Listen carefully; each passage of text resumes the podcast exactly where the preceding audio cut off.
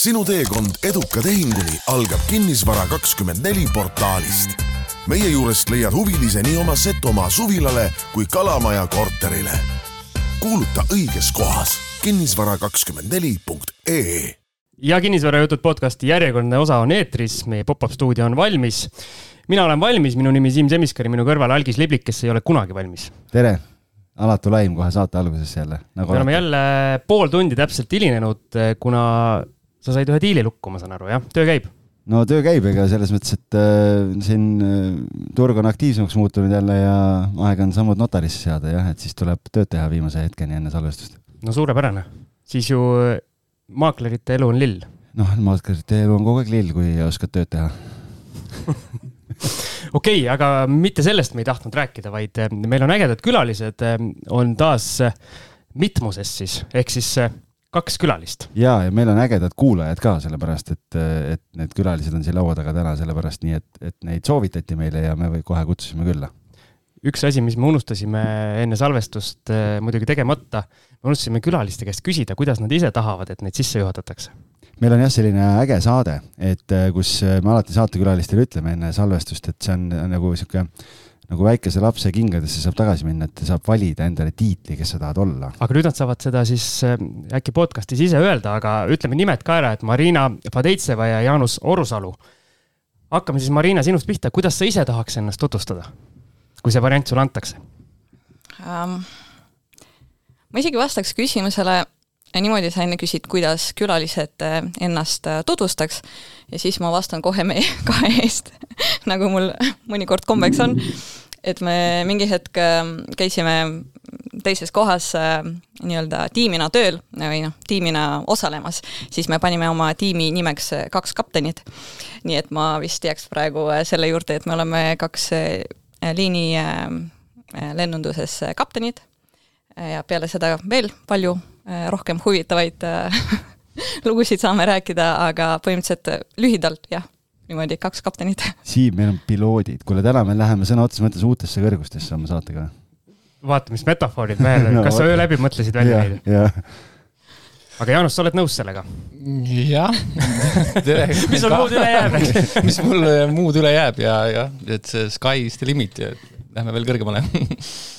Oota, aga kas ma saan siis õigesti aru, et päriselt äh, teie oletegi need, kes lennukitega meid veavad ühest kohast teise? jah. No võib, võib nii öelda küll, jah, jah. Kuule, aga mul tegelikult sihuke äge küsimus, ma kunagi mängisin Kossu küll ühe tüübiga koos, äh, kes oli ka, oli ka lendur, aga, aga kuidas tuleb inimesel see soov, et tahaks lenduriks saada ja, ja võib-olla nendele, kes ei tea, et kuidas üldse saadakse, kuidas saadakse siis selleks, et mida siis tegema peab, mis see väljaõpe, kui kaua, kuidas see käib üldse? no tänapäeval on see nagu eriti lihtne, et äh, kui sul on muidugi raha, siis äh, siis äh, lähed lennukooli, siis ostad load, just.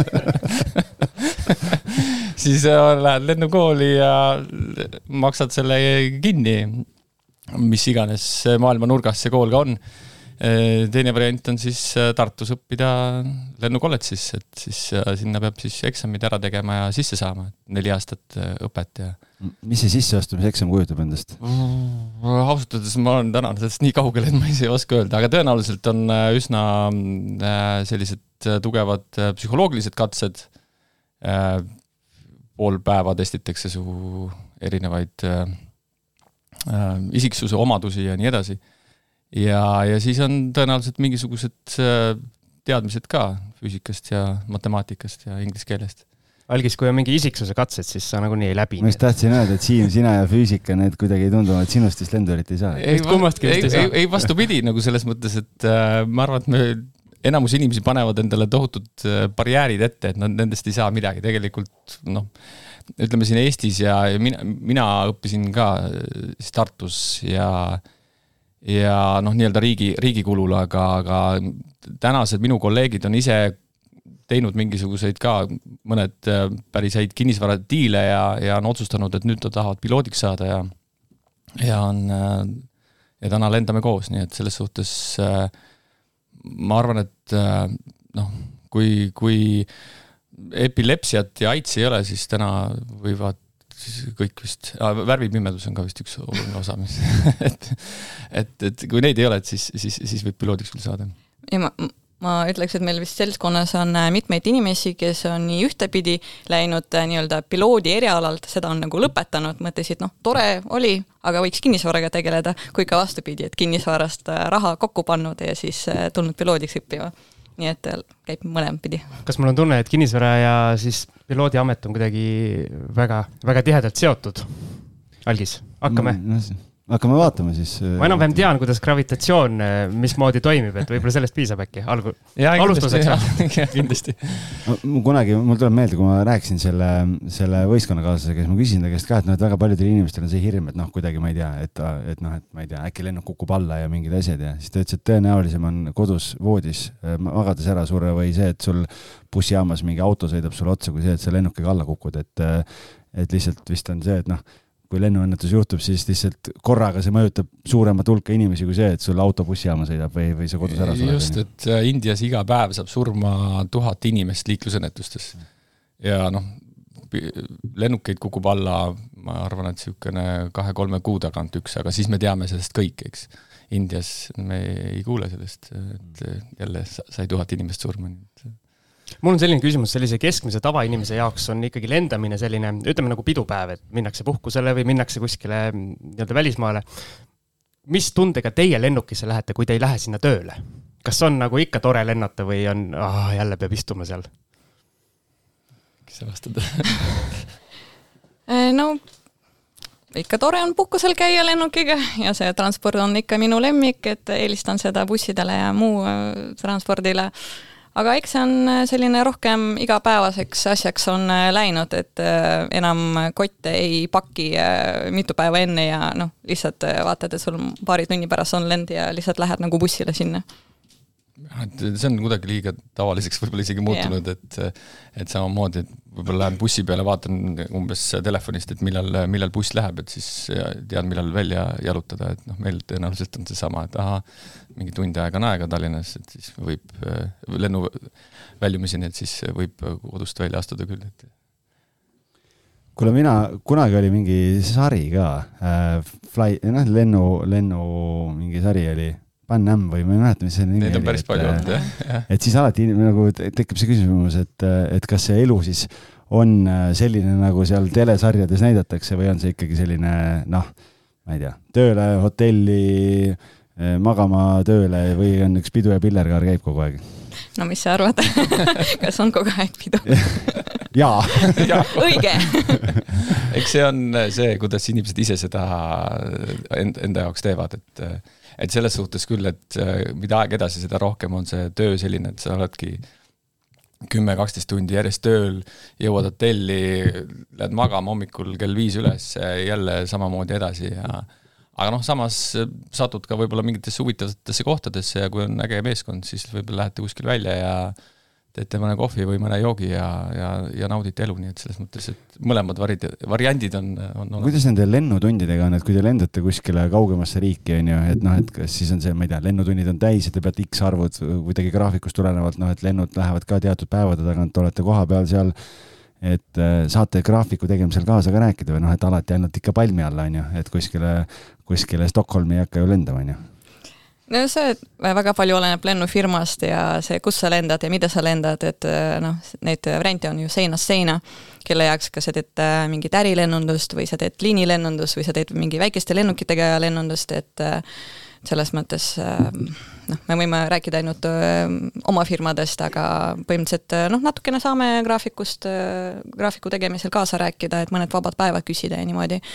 aga laias laastus oleme siin peamiselt Euroopa kandis lendamas, mõned pikemad liinid ka. noh, mina hetkel olen äh, lapsehoolduspuhkusel, nii et äh, minu jaoks see asi on äh, hetkel natukene kaugemale jäänud aga jah, selles mõttes, kui limitidest rääkida, siis nagu hästi palju on limiite nagu päevas, mis kell, kui sa ärkad, siis vastavalt sellele graafikule siis mi, mis, kui pikk võib su tööpäev olla, siis kui palju sul peab olema puhke, puhkeaeg ja nii edasi ja siis nädalad, kui, et sa nädalas ei tohiks rohkem lennata ja nii edasi, et jah, selles mõttes see käib kõik äh, üsna, üsna spetsiifiliselt. kui ma õigesti mäletan, siis kuskil alles piloodid streikisid, et endale palka juurde nõuda, aga mind huvitab, et kui palju palka siis piloodid saavad, on see on see nii-öelda selline amet, kuhu ka algisesugusel tippmaakleril tasuks ikkagi nii-öelda minna, et hakata korralikult ükskord teenima? selleks, et neid palkasid võrrelda, sa, ma pean ka maakleri palka teadma no,, siis, ma, nagu saan, siis ma saan öelda, kas me teenime rohkem või vähem. nii, algis Aga... las ta jääb no võib-olla piloodi palk on nagu stabiilsem, ma eeldan. selles mõttes. ja, ja et noh, ütleme, et tänapäeval piloodid saavad, noh, oleneb firmast, aga ma arvan, et aina vähem ja vähem palka, et selles mõttes ja ma jah, ma ei hakka siin ütlema, aga, aga me oleme ka väga, ei ole väga kaugel streigist, nii et no, et, et võib-olla peaks maakleriks üle minema. ja meil on kusjuures päris palju äh, piloote on läinud ja stjuardesse on läinud äh, maakleriks. Eriti just siis, kui see Estonian Air läks pankrotti, siis on väga paljud edukad maaklerid on äh, äh just äh, stjuardid ja stjuardessid ja üks, üks piloot jah, mul hea sõber on, on ka otsustas äh,, otsustas äh, maakleriks hakata. no vot. konkurents tõuseb, nii et ei no ma räägin, kui, kui lõpetatakse lend, lenduri amet ära ja minnakse kinnisvarasse, Siim, siis noh, loe ridade vahelt jah, seda küll aga kuna kinnisvara hinnad on tõusnud, siis peab streikima hakkama sa ajasid oma lobaga mul mingi küsimuse nüüd peast ära, aga, aga äkki lähme siis investeerimise juurde. Et äh, kuidas teie üldse selle investeerimispisikuga nakatusite kunagi ja, ja kuidas siis see kinnisvarasse jõudmine käis? ma vist alustasin varem, et siis ma ka rääg, räägin natuke, alustan ka, alustan ka varem. ehk siis äh, mina olin selline üsna tavaline Eesti mees, olin üks kodulaen, olin, tähendab enne seda, kui ma seda kodulaenu üldse sain, ma olin nagu üldse üsna selline äh, siis äh, üür, üürniku usku, et noh, et see üürimine, et äh, annab sellise vabaduse ja ma ei pea midagi omama ja, ja selles mõttes siis see andis mulle sellise, sellise justkui vabaduse ja kindluse ja ja, ja ega sealt kõrvalt raha nagu üle ei jäänud ja, ja siis ma tegin nagu enda arust sihukese elu suurema äh,, suurema sihukese otsuse, ostsin siis äh, sihukese vanema maja ja hakkasin seda renoveerima ja igatahes ma lõpetasin niimoodi, et mul oli kaks äh, liisinguautot äh, Äh, majalaen, remondilaenud, kõik asjad, särgid, värgid, nii et noh, piloodi palgast ei jätkunud, äh, ma arvan, kahekümnendaks kuupäevaks ka midagi, nii et ma pidin äh, siis krediitkaardiga edasi, edasi, edasi maksma oma asju, et üsna niisugune miinuses olin oma asjadega.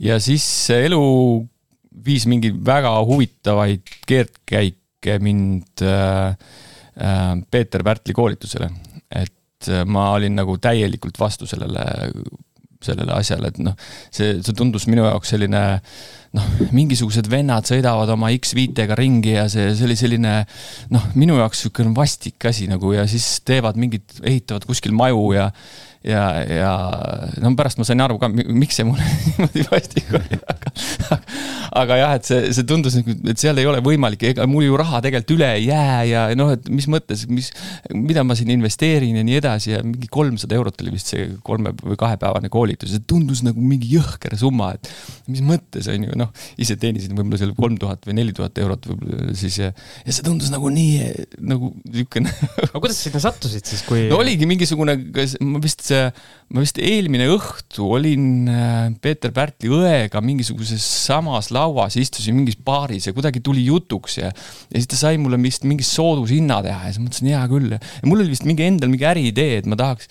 mingi kinnisvara asja kuskilt teha ja, ja ma olin lugenud, et keegi inimene seal esineb, lõpuks tuli välja, et ta ei esinenudki, see oli tema mingi nimekaim ja nii edasi nii et jah, see oli üks paras, paras tsirkus, aga, aga kui ma jah, lõpuks nii-öelda siis seal, seal koolitusel nii-öelda nägijaks sain, siis, siis ma juba sügelesin nagu kohe-kohe. oota, aga ühest koolitusest piisaski ja? ühest koolitusest, jah tegelikult see, see ei ole midagi keerulist, noh, ma arvan, et võib siin salvrätiku peal ära seletada, kuidas need asjad käivad, aga noh, noh, põhimõtteliselt jah, siis, siis nagu. nii väikest nagu nügimist oligi vaja. oli jah, ju siis järelikult oli midagi kuskil kinni, et jah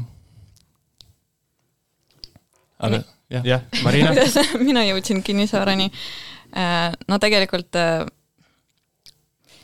kuna ma töötasin piloodina selleks ajaks äh, juba päris kaua, siis äh, mina ka ei investeerinud, midagi sellest ei teadnud, küll ma kuskil kuulsin, et peaks nagu võiks äh, midagi investeerida ja see on tore asi ja targad inimesed tegelevad sellega. aga noh, ju ei olnud minu jaoks. siis tuli koroonaaeg ja siis mul tuli esimene niisugune hetk, tuli reaalne hirm, et ma võin tööst ilma jääda, sest noh, te kõik teate, mis juhtus. kas siis pandi täitsa kinni kõik või? või no, midagi see, ikkagi lendas?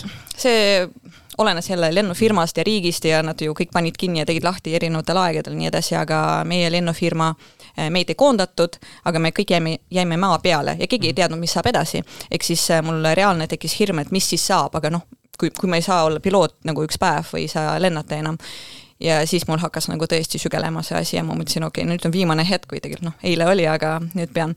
ja siis, kuna Jaanus mul oli üks äh, hea ekskolleeg veel esimesest lennufirmast, kus me kunagi lendasime koos üksteist aastat tagasi, siis ma midagi mäletasin, et ta vist tegeles kinnisvaraga või midagi, nagu oli niisugune targem vend, siis ma helistan talle ja küsin nõu. ja siis kutsusin ta lõunale välja ja siis äh, jõime kohvi ja mina muidugi esitasin seda kõige targema küsimust, et kuule, mul on niisugune nagu raha olemas, ma tahan seda investeerida, ütle mulle, kuhu. et mina ise ei oska. ja ma andsin väga halba nõu sellel ajal ma just tahtsin öelda, et tegelikult see oli kõige parem vastus, mis äh, sellele küsimusele peab nagu järgnema, selle asemel, et öelda mulle, kuule, investeeri sinna või, või tänna ta ütles, vaata, selline raamat on olemas, Rikkaks saamise õpik, Roosaare, loe läbi, õpi ja siis räägime edasi. et tegelikult väga õige nõu oli, et pean ise vaatama aga noh, ma töötasin seda raamatu läbi, hakkasin investeerima läbi kinnisvara, kuna säästu oli lihtsalt nii äh, palju. mina ei ole väga suur äh, shoppaja või niimoodi, et siis et siis raha oli olemas ja ma sain aru, et kinnisvarasse seda võib kohe nagu panna ja see kinnisvara väga mõnusalt sööb seda raha, nii et räägi vahepeal algisele ka, kuidas see säästmine käib, et raha palju oleks.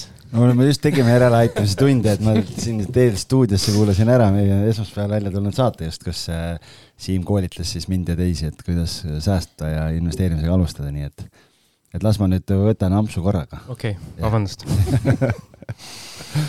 see on vist ikka mingil määral võib-olla isikuomadustest ka kinni, et, et me oleme siin täpselt nagu vastupidi, et kui, kui Marina noh nagu üritab igalt poolt, no mitte igalt poolt säästa, aga selles mõttes tal on ta, ta, ta suudab endale raha koguda, siis mina ei suuda nagu, et mul lihtsalt, kui kui raha tekib kuskile arvele ja siis ma näen mingisugust, mingit head projekti, siis mul kohe tekivad mingisugused mõtted ja tekib ja siis ongi emotsiooniost käes ja ongi korras.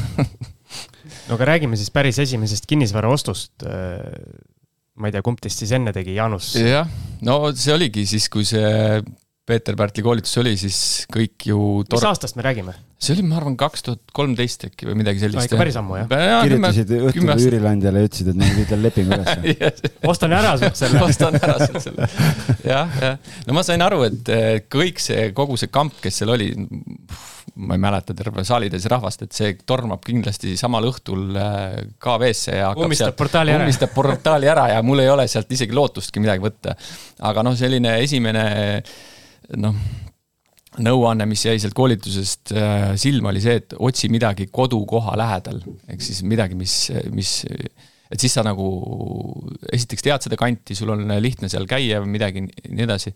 et siis äh, kuna Kuusalu ja see kant oli nagu minu jaoks selline tuttav kant, siis, siis ma mõtlesin, et ma nagu sukeldun sinna. aga, aga esimene, e-, noh, esimene barjäär oli kohe see, et ahaa, et, et aga ühtegi ju üürikuulutust seal ei ole et kust ma nagu selle referentsi saan, et kust, kust ma saan aru, et kas seal on üldse nagu kin-, noh, keegi üürib midagi, mis hinnaga üürib, mitte, mitte midagi ei olnud. ja siis ma otsustasin, et et okei okay,, et ma uurin võib-olla seal mingit suurematest ettevõtetest, helistasin sinna, et noh, et kas teil on vaja mingisugust asja, mingid korterid on vaja, no kuskilt mingisuguse ebamäärase vihje sain, et võib-olla on vaja. mõtlesin, no jah, hea küll, et võib et siis, no igatahes see oli väga suure, suure riskiga, aga ma mäletan seda, et see korter maksis täpselt kümme tuhat euri sellel hetkel, noh, see oli üks odavamaid ka ja see oli mingi elektriküttega selline mingisugune nõuka viimastel aastatel ehitatud maja igatepidi lagunes. korter oli ka, noh, mingit remonti oli seal tehtud, see põhimõtteliselt oli vaja kõik puhtaks teha siis äh,. ja see oli Kuusalus siis või? see oli siis tegelikult noh, ma arvasin, Kuusalu noh, Kuusalus, Kuusalus olid väga palju kallimad korterid, lähedal on Kiiu. ma arvasin, et noh, et Kiiu on selline. mul on üks küsimus, kui sa seda kanti tunned, kas Kiiul üheski majas keskkütet sees ei ole või? Minu teada ei ole, ma, võib-olla mingites majades on, ma vähemalt need uued majad, mis viimasena ehitati, nendes ei ole, ei ole kindlasti. sest ma olen ka nii-öelda jälginud seda kanti. jah, aga tegelikult see elektriküte ei ole midagi selles mõttes, see ei ole suur miinus aga, aga sellel hetkel mulle tundus, et, et, et see on nagu suur miinus. aga jah, igatahes äh, tehingu ma tegin siis nagu selline, tegingi nii-öelda nagu raamatu järgi, ehk siis mul endal oli ikkagi kogutud kuidagimoodi kolm tuhat eurot see oli siis selline noh, summa, mis mul oli endal välja käia, siis kümme tuhat eh, ma pidin oma hea sõbrale, head sõpra veenma, noh, ma polnud kunagi talt raha laenanud. ja küsisin, et siis kuule, et mul oleks vaja kümme tuhat, ta tegi suured silmad. ja siis ma nagu seletasin talle suured skeemid, kuidas ma panen selle, kuidas sa paned siis hüpoteegi sinna alla ja kuidas sa ostad nagu pank ja sul ei ole nagu mitte midagi. aga noh, tema jaoks see kümme tuhat euri oli ka nagu väga suur raha ja seda välja käia ja ma ei mäleta, mis see intress oli ka mingi seitse protsenti, mis me kokku leppisime. igatahes äh, ma ikkagi suutsin ta ära veenda, et andis mulle kümme tuhat eurot, me tegime äh, lepingu, et siis ja, ja kõik notariaalsed asjad, et siis äh, tema, temal jäi hüpoteek. Selle kolme tuhande euroga ma remontisin selle korteri ära ja noh, selle, selle remondiga ka, et noh, et ma alguses mõtlesin, et äh, kuna seal koolitusest jäi nagu kõlama see, et seal üks ameeriklane äh, käis äh,, kes rääkis, kuidas nad teevad nagu mingisuguse kahe nädalaga korter, noh, remondivad ja noh, see oli meie jaoks kõik olid, mis asja, et noh, me olime siit umbes noh, kuigi oli kaks tuhat kolmteist ja noh, asjad käisid juba kiiremini, aga noh, see tundus nagu sihuke täiesti müstika. et siis ma mõtlesin, et noh, et aga noh, tegelikult see ongi point, et noh, et sina jääd ju oma rahast ilma, et sul on, esiteks sa maksad kommunaalid, kõik, kõik muud asjad ja sa, sa jääd nagu nii-öelda kasumist tegelikult ilma, et mida kiiremini sa suudad selle korteri teha, seda, seda kasumlikum see tegelikult on. ja põhimõtteliselt oligi niimoodi, et mul oli selleks ajaks, kui oli notari äh, päev selleks ajaks olid mul juba. remont tehtud umbes nii, nii, nii hästi veel ei olnud, aga igatahes eh, mul oli kaks töötut venda, veel mingid naabrimehed ja ma ei tea, mida kõike veel. kõik me, olid korteri ees üles rivistatud. see oli kõik niimoodi, me olime ukse juures ja siis mu hea sõber tegi siis veel selleks ajaks oli teinud juba siseplaneeringu, kuidas mingid seinad, värgid tulevad, et see nii-öelda vähegi tänapäevasem oleks ja kuskile saaks külmkappi ja pesumasina panna, et korterid on kohutava planeeringuga, igatahes jah, nii et me notaripäeval lendasime sisse, tõmbasime selle kõik puhtaks ja kahe päeva pärast hakati juba kipsi panema ja kuu aja pärast ma põhimõtteliselt jah, rentisin selle välja sul ikkagi oli see eelne plaan ikkagi väga korralik. jah, ja no ma olin väga inspireeritud sellest koolitusest nii et täna ma enam niimoodi ei, ei tee, aga, aga, soovitan teistele jah, jah, jah, jah, jah.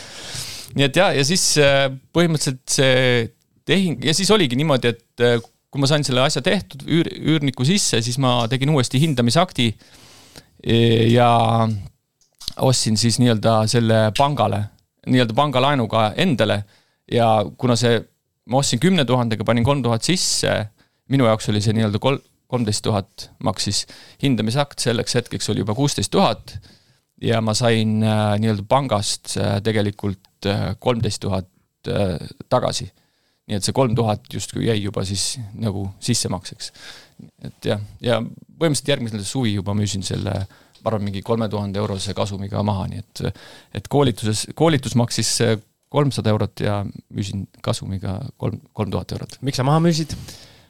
Äh, ma sellel hetkel arvasin, et see flip imine on niisugune äge asi, et, et seda võiks nagu, seda sellel rauda võiks taguda. sellel hetkel arvasid sinna me, ma arvan, jõuame, et. jah, jah aga siis äh, ma tahtsin tegelikult ja. seda öelda, et need summad äh, praegu tunduvad nagu nii ulmelised, kümme tuhat ja kolm tuhat renoveerimisele.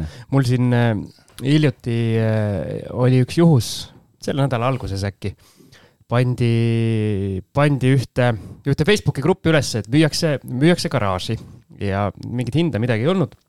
ja siis ma kirjutasin, et noh, et ma olen huvitatud, et mis see summa on, seitsekümmend neli tuhat. garaaž. garaaž, jah. Okay.. kullast seinad ja.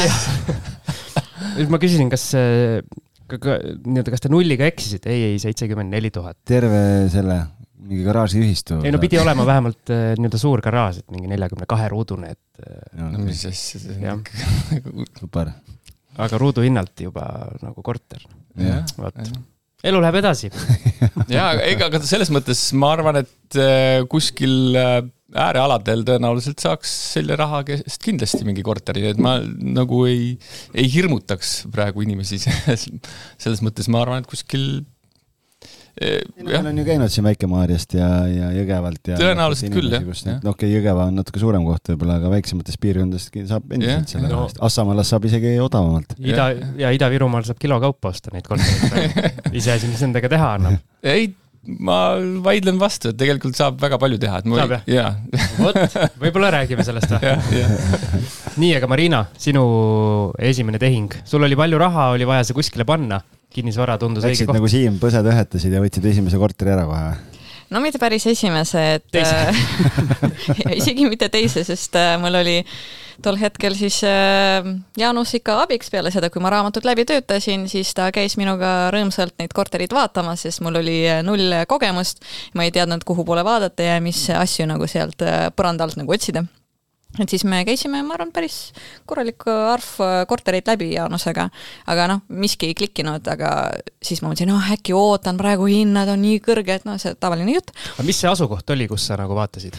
Äh, no mulle kohe oli see, mina sain aru, et minu jaoks see likviidsus on nagu väga oluline, et mina pigem selline noh, kesklinn Kristiine on minu jaoks äh, see koht, mis mulle meeldib vot ja siis äh, lõpuks äh, leidsin ühe koha ja kusjuures seal ma isegi käisin ilma Jaanuseta, aga kui ma astusin sinna sisse, klikkis ära, sain aru, nii kõik, ma ei, ma ei, ma ei suuda enam oodata, et. ei äh, suuda ilma selle korterita enam elada no ongi, et selles mõttes kaua sa venitad, et äh, mõtled küll, et ootad, äh, kuni turg mis iganes teeb äh, seda õigema nagu pöörde, aga siis lähed magama selle mõttega, et sul siiamaani korterit pole, ärkad selle mõttega, et sa ei ole veel kinnisvarainvestor ja eks see asi nagu jah, päris äh, palju võtab energiat ära, et ma lõpuks tegin lihtsalt selle ostu ja muidugi pärast kahetsesin ainult see, et miks ma nii hilja seda tegin, aga. aa, ma mõtlesin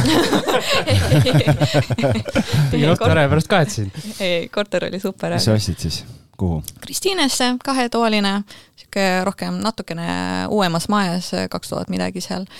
et äh, täitsa, täitsa sellised äh, noh, minu kuidas öelda, minu lemmikkorterid ongi väga likviidsed, väga selged, et ei ole mingit põrandaaluseid äh, seal huvitavaid äh, asju välja tulemas. Äh. majavammi näiteks. selle peale vaadati kohe Jaanuse poole jah, selles me oleme päris erinevad, et ta saab rääkida, mida tema seal igal pool avastas peale ostu aga jah äh,. aga see oli siis selline nii-öelda võtmed kätte lahendus, et said kohe üürile anda või pidi seal ka nokitsema? see oligi koos üürnikuga, nii et selles mõttes see oli eriti hästi.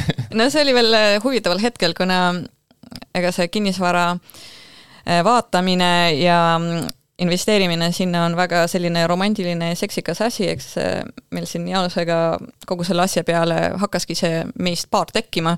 ja siis mul oli küsimus, ma tahtsin korterit osta, aga ma ei saanud aru, kas ma ostan seda enda jaoks, et noh, tol hetkel ma veel elasin Riias ja põhimõtteliselt noh, töötasin Riias, tähendab, ja siis ma tahtsin Tallinnasse ka endale mingit eluaseme äh, leida. ja siis see üürivärk oli ka ja siis ma ei saanud aru, et kas ma nagu endale või igaks juhuks üürnik, et noh, et see oli selline korter, mis sobiks nagu mõlemale tegelikult. mis, kui me mõtleme tootluse peale, ei ole kõige parem diil, kui sa ostad üürimiseks korteri, kus sa ise tahaks elada, aga noh, mul oli selline hetk siis tol ajal. noh, lõpuks me kolisime sellel ajal Jaanusega kokku ja siis see korter sai koos üürnikega juba ostetud mulle. no näed. ajastus mängis väga hästi välja kinnisvarast äh, leitakse elukaaslane ka no,. meil sellist lugu ei olegi olnud. meil, meil endal ka algis sellist lugu ei ole. me pole koos vaatamas ka käinud veel, ei enam ei julgegi minna selle pärast. tõsi, kui sa nii ütled, siis tõsi. mis aasta see oli, kui sa selle ostu tegid? see oli täitsa koroona see esimene laine, mis oli kaks tuhat kakskümmend siis, jah. siis me alustasime nagu selles mõttes äh, põhimõtteliselt sinuga täpselt samal ajal. kas me vaatasime samu korterit ka või mis su huvi on? mina ostsin ka Kristiinesse, jah. aga mul oli vanem vaja. sul nii uusi maju ei ole ju? ei, mul nii uusi maju ei ole, jah. nüüd viimane on. mm. -hmm. aga. kuna sa ei töötanud piloodina, sul ei olnud nii palju sääste, arusaadav. ma olin sihuke tavaline, keskmine Eesti mees aga, aga ma ostsin ka koos üürnikuga.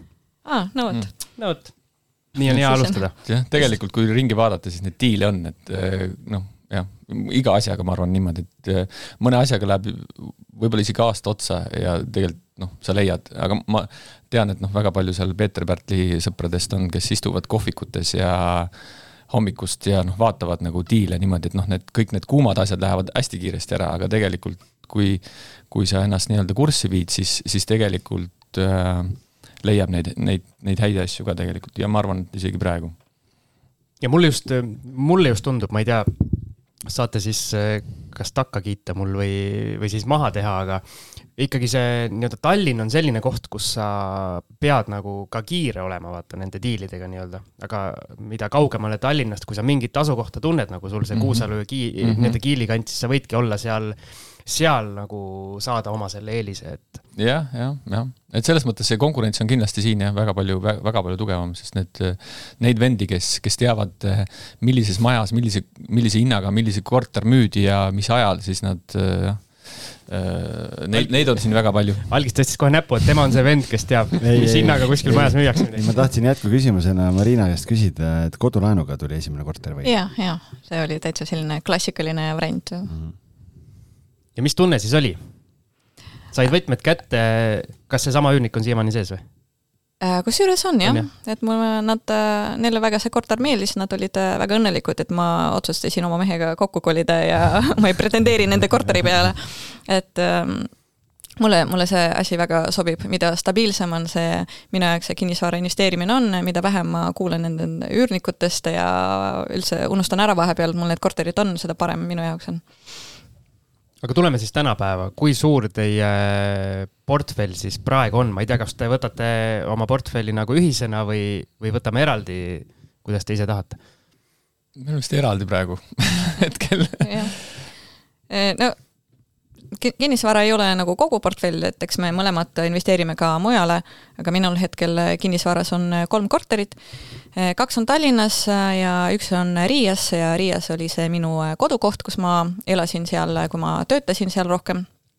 et seda ma lõpuks suutsin välja üürida ja see, miks ma ütlen lõpuks, ei ole sellepärast, et see oli raske, sest likviidsus ka sellel korteril oli väga kõrge. ta asub suurepärases kohas ja on niisugune uuem renoveeritud korter. aga lihtsalt see kodutunne, et see on esimene kodu, ostsid enda jaoks, panid sinna mingid ilusad, mis iganes tapeedid, värvid ja asjad ja valisid iga asja suure armastusega ja siis sa pidid seda välja rentima, kuna see ei olnud lihtsalt Mm, adekvaatne hoida seda korterit. Rivi Basielal kuskil või ehm, ei, ei ole, aga eks see on mingi, see on peatänav. see on peatänav, okei. Riiaga nii hästi kursis ei ole. no igatahes ähm, jällegi selle kohta hästi kaua venitasin, mõtlesin, oh, mis sa ikka, hoian ja tore käia ju Riias vahepeal seal kaks ööd ööbida selles oma korteris. ja siis reaalsusse jõudis pähe, et vaata, palju sul raha oleks võinud selle ajaga kokku panna. nii et äh, rentisin välja ja seal samamoodi elavad ilusti üürnikud ja häält ei tee, nii et sobib suukorvistasid ära ju tasa nii, vabandust, mulle helistati. sulle ka helistati. esimest korda meie saates arvestada nii, Jaanus äh,. jah, mul on mõnevõrra suurem äh, just kuu kuu tagasi vist jah, allkirjastasin kümnenda, kümnenda üürilepingu. kümme aastat ja kümme. jah, ja pluss veel üks Air, Airbnb nagu saun. et saun? jah, jah. tulge sauna. tulge sauna jah, palun väga. seal saad tunnikaupa üürid Airbnb? ei, see on tunnikaupa esialgu päevakaupa, ma arvan. kuigi tunnikaupa võib-olla oleks veel kindlasti kasumlikum, aga nagu päeva, päevakaupa on ka piisavalt, piisavalt hästi. ühissaunana. nagu vanasti oli, et reedeti on saunapäev. jaa, võib-olla küll jah, peaks tegema kindlasti kümme tükki, okei okay., kus, kus sul on seal need asjad uh,? jah üle Eesti, üle Eesti. üle Eesti on kaks tükki on Tallinnas, need on puhtalt kodulaenuga ostetud siis, või no tegelikult see ongi üks, üks korter, mis koosnes äh, äh, kahest, ütleme siis üks, üks kinni, kinnis kinnisasi. kinnisasi, mis koosnes kahest korterist tegelikult, et selle ma ostsingi alguses, kui ma töötasin Estonian Airis piloodina, siis, siis täpselt viimastel, viimastel päevadel, kui see, see organisatsioon pankrotti läks, siis, siis ma, siis ma allkirjastasin üürilepingu, mitte üürilepingu, vaid laenulepingu no,, laenulepingu jah ja siis ostsin omale korteri, kus oli nii-öelda kaks korterit, ehk siis ühes elasin ise ja teise nagu üürisin välja. ja nüüd siis, äh, kui Marinaga koos ostsime korteri, siis, siis üürisin ka teise välja. nii et Tallinnas on kaks tükki, üks on Tartus, äh, siis, ähm, siis on üks üüri, üürimaja, mis ma RMK käest kunagi ostsin ja siis on Kilingi-Nõmmel on kuue korteriga kortermaja. algisel kohe suu hakkab vett jooksma, kui ta kuuleb sõna üürimaja. üürimaja. okei okay,, see on päris põnev lugu, aga ma arvan, et selle äkki jõuame ja lähme kuidagi step by step, et võib-olla kohe, kohe sinna finišisse ei lähe. aga enne me teeme ühe pausi, sest äh, meil on vaja, mida teha? meil ei ole vaja, aga me tahame lumiorava vett juua vahepeal ja siis me tuleme tagasi. no teeme nii hei üüriinvestor, otsid järgmist põnevat projekti? vaata kindlasti Kinnisvara kakskümmend neli portaalist, kust leiad värsked pakkumised nelikümmend kaheksa tundi varem kui mujalt. nii, vesi on joodud ja meil on äh, vaja edasi minna. aga Jaanus, ma küsin sinu käest, nii-öelda sinu käest, et mis äh, või ma tegelikult küsin, kas on sinul ka mingid lemmikpiirkonnad välja kujunenud, ma saan aru, Marina rääkis, et talle meeldib see keskling Kristiine. aga sina oled siin üle Eesti ja siin Killingi-Nõmmes suured üürimajad ja asjad, et on sul lemmikpiirkonda? ei, ma niimoodi piirkonna järgi küll ei vaata, et selles mõttes ma pigem vaatan seda, et noh, mis nagu silma jääb, et ma küsisin hommikul, me vaatasime need küsimused, ma küsisin, Jaanus, mis on su lemmikpiirkond üldse, Eesti? minu arust väga hästi seletab. jah, no tegelikult võiks Eestist välja muidugi ka vaadata, no ma va isegi natuke vaatan, aga noh, õnneks hammas või kahjuks hammas ei hakka peale selles mõttes. no ja vaata, lenduril on hea, et sa saad ju igale poole ja, lennata, et sinul ja. need vahemaad on köki-möki. varsti ostad Stockholmi poole peal mõne saarekese ära ja jah, mine, mine tea. ei, ma olen Rootsi poole vaadanud küll, no imeilusad majad on seal tegelikult ja samamoodi. praegu kinnisvara kukub seal ju. seal jah, jah, jah. aga, aga tõenäoliselt mulle vist ei anta laenu seal. ütle, kus on lugu Kilingi-Nõmmelt Stockholm ei, see Kiiult Kilingi-Nõmmele ja Stockholmi. jah, jah, jah, just, just. uus lennuliin. jah. aga jah, et selles mõttes mingit äh, piirkonda nagu ei ole, et ma pigem vaatan lihtsalt, et kas see on nagu see, sellel, sellel objektil peab olema mingisugune kiiks või asi või no peab olema midagi äge, et, et ma saan aru, et siin Kristi Saare ja nemad nagu ütleme, vaatavad seda.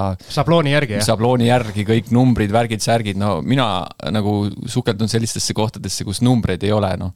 lihtsalt, kui ma see seal ei ole mitte midagi, et, et Kilingi-Nõmmel, noh, kui ma, kui ma sinna nojah, see oli ka sihuke pool emotsiooni osta, aga, aga aga, aga ega ma ei teadnud, et ma sinna kortermaja, ma tean, ma ostsin selle kortermaja, aga ma ei teadnud, mis ma sellega tegema hakkan, aga, aga mul lihtsalt kibeles äh, suur äh, pensioniraha, mis siin jagati rõõmsalt, et see kibeles nagu kuskile ja siis ma mõtlesin, et, et kui ma arvutasin välja selle pensioni, mis ma hakkan saama sellest rahast, mingisugune, kas see oli sada eurot kuus pluss äh, pluss ja see, ma hakkan saama seda, kui ma olen mingi kuuskümmend kuus või midagi sihukest. mõtlesin, pekki, et ma, ma arvan, et ma suudan selle rahaga ikka midagi rohkemat teha ja siis, siis ma lihtsalt. ja samal ajal tuli see, või noh, tegelikult oli juba aasta aega müügis seesama objekt ja, ja siis ma nii-öelda tegin selle pakkumisele, pakkumise ja ostsin ära, aga jah, numbritest siis, siis ma hakkasin, kui vaatama, et äkki saaks nagu välja üürida või teha nagu noh, tervet maja sinna on täiesti noh, noh, ei, ei hakanud ka mina nagu tervet maja renoveerima selle mõttega, et ma kõik kuus tükki välja rendin, sest see esiteks ei olnud nagu mitte ühtegi kinnisvarakuulutust, mis üüriks, on ju. siis ma üritasin, helistasin kõik maaklerid läbi, kes seal vähemalt midagi müüvad, siis nemad ütlesid, ei tea jah, kunagi vist oli midagi, noh, võiks vist olla, noh, selline väga ümmargune jutt nagu kuidagi ei motiveeri sinna investeerima. niisugust turgu ei ole, ma teen ise siis ma teen ise. ma teen teile ette. siis, siis ma nagu kõige lollim otsus, mis ma tegin, oli see, et ma kirjutasin seal, noh, koha, liitusin muidugi kohaliku valla mingi mingi grupiga Facebookis ja küsisin sealt, et noh, et milliseid kortereid kortereid nagu noh, oleks huvitatud ja noh, millised, noh äkki kellelgi on vajadus või nii edasi. ja panin muidugi hinnad ka sinna juurde, noh sihuke kakssada viiskümmend kuni kolmsada viiskümmend eurot. ja noh, selle peale ma sain nagu, nagu lehekülgede kaupa lihtsalt sõimu, et mida ma mõtlen endast, et, et see, ega see mingit Pärnu ei ole ja mida, mida te siin nagu tahate teha ja siin keegi niikuinii ei tule ja noh. ja siis noh, loed neid ja siis mõtled, kurat, see vist oli elu kõige halvem investeering ja mis sellest sai siis lõpuks? no praegu ongi põhimõtteliselt kõik kuus korterit äh, välja renditud, jah. Mis hinnaga läksid siis lõpuks? no ongi kuskil kakssada viiskümmend kuni kolmsada viiskümmend eurot. kas kirjutasid ükshaaval kõigile nendele sõimajatele tagasi ka välja üüritud, välja üüritud selle hinnaga, selle hinnaga. las nad elavad oma elu kuule, aga ma tuleks selle juurde tagasi, et äh, noh, et kui su haare on nii lai et sa ütled, et kogu Eesti on ju, noh siis noh, see, see on nagu next level selline scroll imine peab olema või sul on, ma saan aru, et sul on kogu Eestile on koputaja peal, et iga uus kuulutus, mis tuleb, sa vaatad üle? ei, päris nii see ikka selles mõttes, et äh, vahepeal mul tõesti niimoodi oli, ma isegi noh, mingi tegin mingisuguseid koputajaid ja asju igale poole ja vaatasin, aga noh. ma ütlen vahele, et meil, äh, kui Kinnisvara kakskümmend neli külas käis mm, -hmm. siis mhm. öeldi, et kuus läheb välja mitu miljonit neid äh, nii-öelda meile koputajatega, ma arvan, pooled tulevad sulle ei, tegelikult enam mitte, selles mõttes. enam mitte et... enamus aega ta lendab lennukis, vaatab neid lihtsalt tegelikult mul on niimoodi, et mul käib ka nagu mingite tsüklitega need asjad, et selles mõttes et ma, ma, ma lihtsalt noh, praegu mul on sihuke madalseis, et praegu ma ei vaata midagi või noh, niimoodi hästi vaikselt hakkan vaatama. kellel mis tsüklid on mingid vennad istuvad teistes tsüklites. ja, ja et, et selles mõttes. ma ei vaata midagi, mul on ainult selline kümme tuhat koputajat kuus. et mul on see, et kui ma saan midagi valmis, midagi korda ja siis, siis mul on niimoodi, et ma mitte kunagi mitte kordagi enam mitte see, no sellist asja ei tee. ja tõenäoliselt mul läheb kuskil pool aastat aega ja siis mul hakkab kuskilt sügelema jälle nii edasi. mul on samamoodi, ma praegu renoveerin ühte korterit ja mõtlen, ma mitte kunagi no, ise enam mitte midagi ei tee. käid ja. neid, käid neid ehituspoode mööda ja siis lõpuks lased selle harjaga seal kuskil ringi ja pesed seal mingeid põrandaid ja mõtled, milleks mulle seda vaja on või. kuule, aga ma tuleks selle kogu selle protsessi juurde ja et see teemaks tuli tegelikult, sa oled. sa ei lasknud küsimusele inimesel vastata lõpuni sa oled piloot, mis küsimus oli? sa oled piloot, sa elad Tallinnas yeah.. siis sa ostad Kilingi-Nõmmele mitte ühe korteri, vaid sa ostad maja kuue korteriga mis on vaja korda teha, välja üürida. kuidas see protsess kõik välja näeb? jah, selles mõttes, et äh, eks see on, see piloodiamet natukene nagu teeb seda võib-olla lihtsamaks. et ma olen sunnitud seda organiseerima kuskilt mujalt. ehk siis ma ei, ei, ei saa olla seal kohapeal, sest ma olen, ise on siuksed käed sügelevad ja noh, ja, ja noh, mul on ma tean, et ma oskan kõiki asju nagu teha. ja noh, värvimine ja sihukene asi, pahteldamine ei ole minu teema, aga ülejäänud asjad ma olen noh, ma tean, et ma suudan neid väga hästi teha ja paremini kui kõik teised. ja siis äh,, aga kuna see objekt on nii kaugel, siis ma olen äh, sunnitud leidma, leidma lahendusi, et, et seal kohapeal midagi teha, ehk siis, ehk siis nagu ma arvan, see, see põhi võti on seal ikkagi see, et sa leiad mingisuguse usaldusväärse ehitaja. vennad ja. Need kahjuks enam ei viitsi midagi teha, nad ei taha sellest midagi teada hoiavad eemal kummelist. aga, aga jah, et äh, seal nagu ka nagu head, nagu öeldakse, head asjad juhtuvad äh, iseenesest, et tegelikult oli, oli naabrimees sealsamas, kes oli Soomes ehitaja ja noh, tegelikult minu jaoks oli see väga suur risk teda palgata, no ma polnud kedagi niimoodi palganud äh, nii, nii suure projek-, projekti peale ja, ja temal samamoodi, et ta tuleb nüüd koju ja hakkab kuidagi seal ehitama, et et eks me oleme natukene kakelnud ka seal, aga, aga, aga selles mõttes see on nagu põhiasi, et sa, sa leiad inimese, keda usaldada ja kellega koostööd teha ma korra siis... küsin äh, selle tooriku kohta, mis sul seal Killingi-Nõmmel oli, et kas see oli mingi nii-öelda vana nõukaaegne selline nii-öelda telliskivimaja ei, või? ei, ei, ei, äh, ta oli tegelikult niisugune ilus Eesti ajal ehitatud kahekorruseline puumaja ja noh, see välimus lihtsalt köitis mind ja see eelmine omanik oligi siis äh, välimuse nagu nii-öelda enam-vähem korda teinud ja ühe korteri korda teinud või noh, mis paistis enam-vähem korras. et ma mäletan, et minu teada ma ei käinud seda isegi vaatamas, enne kui ma selle ostsin vist või? Jah, ma arvan, see on sinu see põhistrateegia, et ma ei tea, palju sa üldse oled käinud vaatamas neid asju, mida sa ostad enne. pritsid raha peale kohe ja. põrsas kotis ja. et põrsas kotis, see tundus nagu noh, selles mõttes äh, potentsiaalikas, et ma noh, ilus kesklinnas, ilus sihuke Eesti-aegne maja, noh ja ja muidugi, kui ma sinna uksest sisse sain, siis ma sain aru, millise portsu otsa ma olen sattunud, sest see, see korter noh, või kogu see maja, majaks on ju, aga see maja oli äärest ääreni, see on mingi kaks, üle kahesaja ruudu, äärest ääreni lihtsalt mingisugust selle eelmise omaniku sodi täis. no minu jaoks sodi, tema jaoks väga suurt vara, noh. et noh, tegelikult kui pärast võib-olla räägime, aga igatahes need äh, oksjonikeskusest, mis ma olen ostnud asju, ostnud kortereid, siis, siis, siis enamus inimesed ongi, nad on nagu mulle, nad on omale tohutult mingisuguseid asju ostnud, aga nad ei ole suutnud pangalaenu maksta ja see oli täpselt seesama näide, kus siis inimesel oli nagu äärest ääreni vanu lampe, mingisuguseid vanu raadioid, asju, diivaneid, laudu.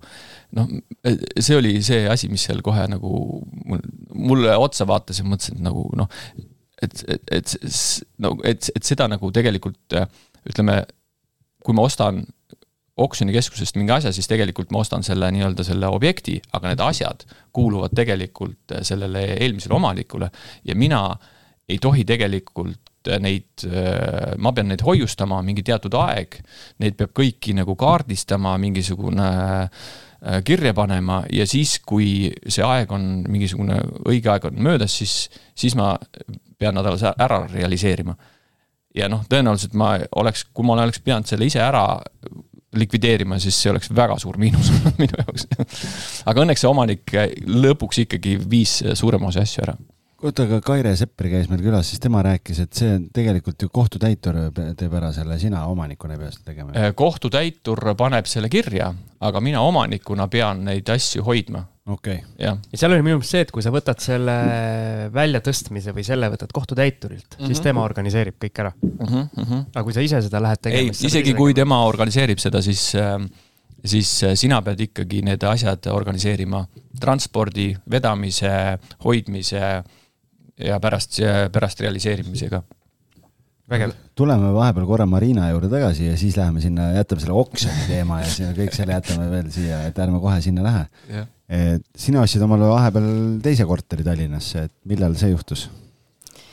see oli kuskil, ma arvan mm, pool aastat peale seda esimest äh, korterit või ütleme, esimest investeerimiskorterit, et äh, eks see päris esimene korter mul oli see Riia kodu, teine on see, mis ma investeerisin koroona ajal ja siis pool aastat hiljem ma juba natukene targemana otsisin äh, korterit, kus oleksid ilusamad numbrid, piirkond jäi samaks Kristiineks ja ja siis, kuna mul kõrval oli väga selline inspireeriv mees, kellel ei ole kes käis Kilingi-Nõmmes pidevalt Äh, noh, ma ei tea, selleks ajaks vist veel ei olnud, aga igatahes, kes kogu aeg otsis midagi ägedat ja kõi-, kõigega sai hakkama, siis ma mõtlesin, oh äge, mina saan ju ka kui mul on niisugune eeskuju on olemas. ja siis ma mõtlesin, et ma võtan ette äh, projekti äh, remondiga mida ma pole kunagi varem teinud, et eks mul ei olnudki plaani oma kätega muidugi seda teha, aga organiseerida seda organiseerida tööjõud oli ju olemas. ehitaja oli kõrval, jah? ei, kindlasti mitte, kuna jah, äh, Jaanusel endal oli hunnik projekte, et. ja lennukid pidid ka lendama ju? vahepeal jah, käisime tööl ka ja ütleme, et äh, sealt, ma arvan, tuli minu äh, kõige suurem õppetund kinnisvaras ja läbipõlemine, et ja õppetund on see, et tore oli, et ma tegin seda, ma sain selle kaudu teada, et ma, mulle ei meeldi renoveerida korterit ja ma rohkem sellega ei tegele kunagi. Et ma sain niisuguse äh, päris, äh, ma ei tea, äh, otsisin seda ehitajat päris kaua, mul ei olnud mingeid tuttavaid superägedaid mehi, keda ma tunnen kümme aastat juba. et eks ma otsisin, otsisin ja siis Jaanusega pingsalt valisime ja kuidagi me suutsime valida nagu kõige halvema juhtumi nagu mees, kes vahepeal kadus ära ja mida iganes nad tegid seal. ja siis Hiimu ehitaja minu arust on kõik ehitajad sellised, välja arvatud need, kes on head ma ei saa aru sellest, me oleme siin saates ka korduvalt ja korduvalt külalistega arutanud, et mis värk nende ehitajatega on, et, et äh, igapäevane nende jaoks on see, et kaduda ära, olla kuskil tsüklis vahepeal, küsida kogu aeg mingit ettemaksu, neil lähevad kogu aeg autod katki, neil jäävad kogu aeg lapsed haigeks. lõpuks tuleb välja, neil ei olegi lapsi, kes haigeks saaks jääda, lõpuks siis tuleb välja, et neil on auto juba ammu maha müüdud, ehk siis see ei saa katki minna on kõik täpselt sama, neil on nagu mingi selline kool kuskil, kus neile õpetatakse neid vabandusi, mismoodi seda ettemaksu kätte see saada. on jah huvitav, et äh, kuidagi, et kui ma ka olen vaadanud nagu, kuidas Ameerikas asjad käivad, siis nagu ja, ja ka tegelikult UK-s näiteks, et sul ongi nagu see päev konkreetselt tuleb elektrik ja see päev ta täpselt teeb need asjad ära ja see päev ta lõpetab, järgmine päev tuleb torumees, kõik, kõik, kõik käib nagu punkti pealt. ma ei kujuta ette, kuidas, või tähendab, ma tahaks õppida väga, kuidas nad suudavad need asjad niimoodi organiseerida, et see asi, et nad suudavad need äh, ehitajad motiveerida niimoodi, et nad teevadki oma tööd, teevad täpselt sellel ajal ja, ja, ja, ja lõpetavad sellel ajal, millal vaja on. ei no ma arvan, Eestis on ka niimoodi, aga siis sa lihtsalt maksad rohkem, aga meie ei ju. usu, ma ei usu sellest, ma Ei, ma ei ole näinud, keegi pole isegi pakkumist teinud. ei no eks meil oli ka, ma arvan, head kogemused ehitajatega, näiteks meie omaenda koduga, kus me natukene tahtsime renoveerimist teha, et tegelikult tublid mehed tulevad ja teevad tööd õigel ajal ja, ja lähevad pead kuskilt minema. leidma kellegi tuttava, tuttava, tuttava, tuttava, aga noh, see ja need on kinni kogu aeg. ja just, et siis ootad mingi kolm-neli kuud on ju, millal see lõpuks. ja see on ka see nii-öelda teada-tuntud vanasõna, et kui sa saad ehitaja nii-öelda kiirelt objekti peale, siis see ei ole see ehitaja, keda sa tahad. no just, just täpselt jah, sellesse orki oleme ka astunud. no mis siis juhtus, mis siis juhtus? ei no eks see valmis ikkagi sai lõpuks? ja valmis sai ja nüüd ma olen, nüüd siin hetkel istudes ma olen väga õnnelik selle üle, sest äh, see on väga ilus, armas korter, kus on üürnik küll vahetunud, aga noh, vahet ei ole. Aga selles mõttes, et mina sain aru, et see protsess, kui seal käivad ehitusmehed, kellega võib-olla ma ei oska nagu nii hästi rääkida, sest nad esitavad igasugu küsimusi, millele ma ei oska kohe vastata, siis ma kas ettemaksu saab? jah, seda ka. ja siis äh, mind see asi äh, paneb nii äh, ner-, närvitsema jah, et siis mina ei maga hästi, kui ma tean seal ehitaja, ma ei tea, puuris valed augud või mis iganes, et see on ka meil väga suur vahe, et Jaanusel on, ma ei tea, seal pool korterit võib äh, põlema nagu samal ajal, tema ilusti vaatab unenägusid. kama kaks, mis küll, küll kuidagi saab, et ja, ja, ja mina ei suuda mina, mina ei maganud ja mina ei, ei, ei suutnud nagu normaalselt elada sellel ajal. aga noh, sai üle aga ma arvan, meil sellistes hetkedes, kus äh, asjad lähevad nagu pekki ja siis ähm, me ise peame need kuidagi parandama. noh, minul näiteks seal äh, pidi seda korterit lammutama enne, mina leidsin mingid äh, noored poisid, kes, kes seda teevad. üleval koruselt vist keegi tegi remonti. no naaber trepikojas ja tundusid nagu väga siuksed äh, nobedad poisid, tegid kiiresti ja kõik äh, noh, mingi suve vaheajal ja nii edasi. ja siis nad tegid minu korteris ka, et äh, väga kiiresti ka alustasid ja aga noh, üks kiik seal oli, et äh, nad äh, suurema ehitusprahti viisid ilusti ära, aga mingid äh, väiksemad vist ei viitsinud äh, nagu veel korra käia seal. kõige raskemad osad. noh, no mingi osa, näiteks seal oli hästi palju prahti, aga ja siis nad viskasid seda üldprügikastidesse.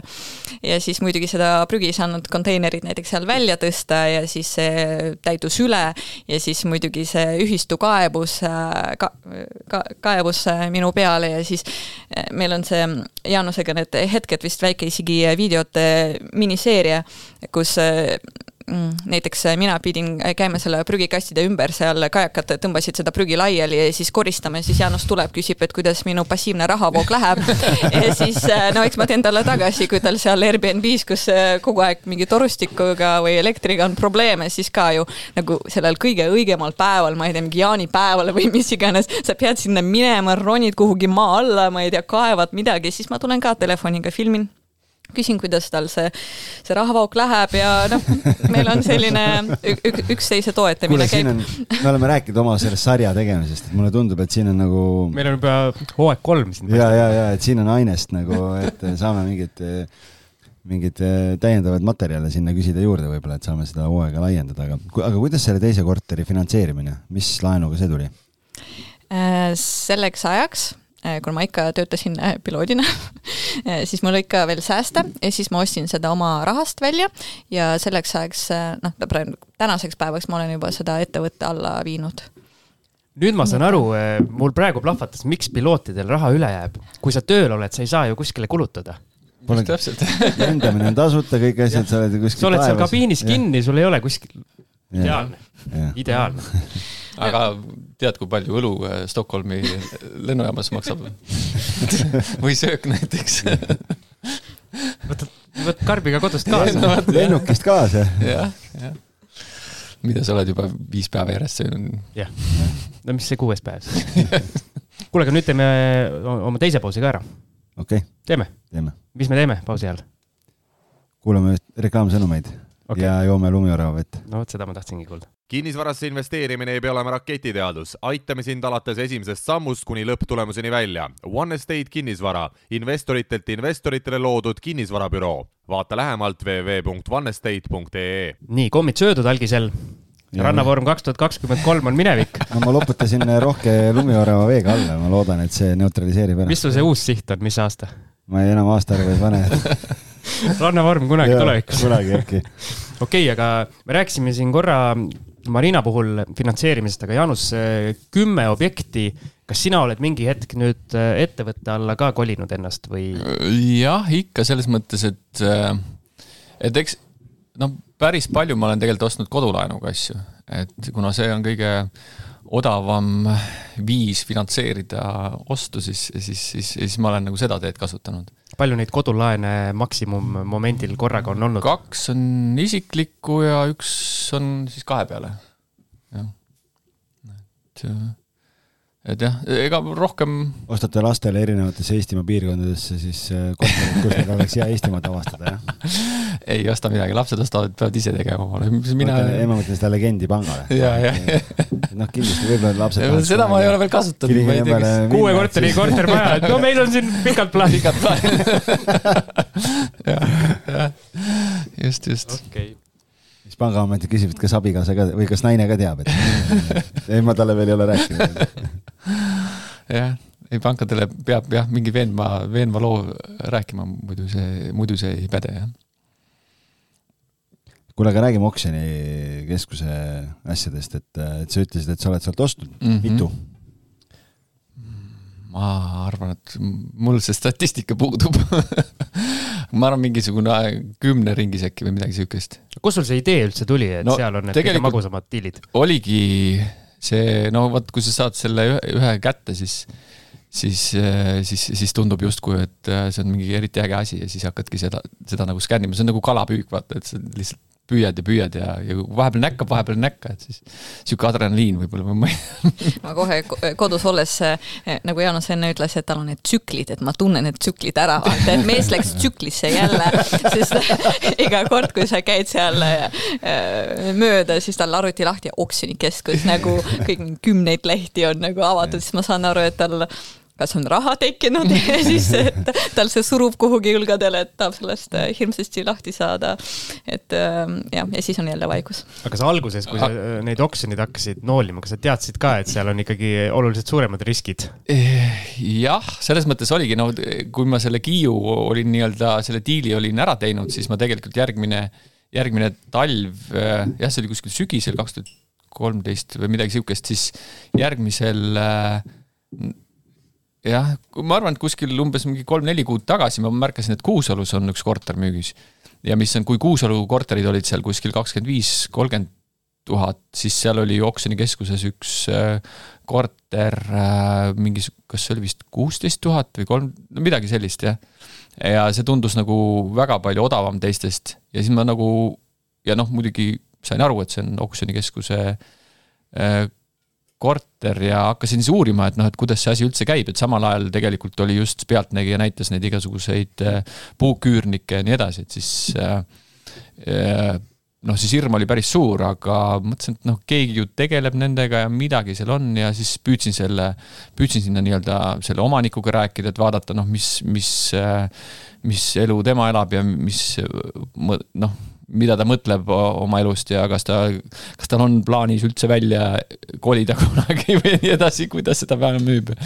ja noh, ja nii edasi, et ma tegin nagu enda jaoks need asjad natukene selgeks või noh, sellel ajal ma arvasin, et ma tegin nende jaoks selgeks, et, et tegelikult noh, nende asjadega tulevad üllatusi päris palju, et aga, aga jah, ma siis põhimõtteliselt ostsin selle esimese esimese oksjonikeskuse noh, tegin pakkumise ja, ja võitsin ja loomulikult noh, 呃 kaks päeva magada ei saanud, sest noh, et. sest sa võitsid ma võitsin. tuli tähistada ei, mitte seda. ma ütlesin, millega ma nüüd hakkama millega sain. ma nüüd hakkama sain ja see raha tuli ju laenata kuskilt ja nii edasi ja, ja siis ah,. sa ostsid nii, et sul raha ei olnud või? ei muidugi, mul ma kõik asjad ostan niimoodi, et mul ruletti vaata punasele või mustale et alles siis tuleb hakata organiseerima, kustkohast see raha tuleb võtta, et noh, et. see ongi motivaator siis. ja, ja see, see noh, minul on niisugune ora on vaja tagumikku ajada, siis, siis ma nagu rabelen selle raha kuskilt välja, sest muidu, muidu seda ei saa. et äh, igatahes jah, aga see, selle korteri, see omanik siis noh, jah, seal ka omaette lugu, aga no põhimõtteliselt ma sain ta ikkagi kuidagi motiveeritud, et ta, ta mingi kuu aja pärast läks välja. ja siis äh, noh, see, see korter ikkagi noh, ütleme nagu mu hea sõber ütleb, et see korter lõhnas raha järgi, et kui kinnisvarainvestorid teavad, mis tähendab rahalõhn, siis nad teavad, mis see on, sihuke hallitus, sõnnik, sihukene rõve, must, äh, kõik suitsuhais, no igatahes see oli niimoodi, et ülevalt äh, tuli hallitus, äh, katus vist oli läbi lasknud ja alt tuli mingisugune suits või midagi sihukest, et nad said nagu niimoodi seina poole peal kokku, sinna moodustus sihukene triip ja see, see oli noh no,. titaanide heitlus see see no ja noh, pluss see sodi ja mustus ja põrand ja noh, see, see, see noh kõik on sihuke kollane, no igatahes. algis, me peame Jaanuse vist eetrist maha võtma, meil kõik, kes ei ole veel ühtegi tehingut teinud praegu, lähevad sups-sups-sups lähevad praegu selle osa pealt minema igatahes jah, no aga noh, see, mul on siukene loll omadus, et ma näen nagu seda potentsiaali, et ma seda suudan kuidagi, aju suudab selle jah, elimineerida selle kogu, kogu see õudse asja, aga jah, põhimõtteliselt kõik uksed maha, kõik seinad, kõik puhtaks, kõik asjad ja siis jälle noh eh, mul hea sõber tegi siis eh, planeeringu, tegime seal paar seina ümber, uks teise koha peale ja asjad hakkasid ilusti jooksma, nii et eh, ja siis, siis ka juba, siis oli juba meeskond olemas, kes sinna, see Kiiu, Kiiu, Kiiu meeskond, kes sealt sinna tulid, siis saime hakata. Kiiu Mansaft. Mansaft jah, jah, jah, nii et jah saime, saime nagu, saime nagu tegelikult selle ilusti, noh, väga ilusaks äh, komboks, nii et äh, lõpuks üks maakler ostis selle ära, nii et äh, aumaakler. jah, aumaakler, jah. väga hea. või siis ma müüsin liiga odavalt Äh, meil on tegelikult plaanis äh, rääkida nendest oksjoniostudest äh, veel ka meie boonusosas.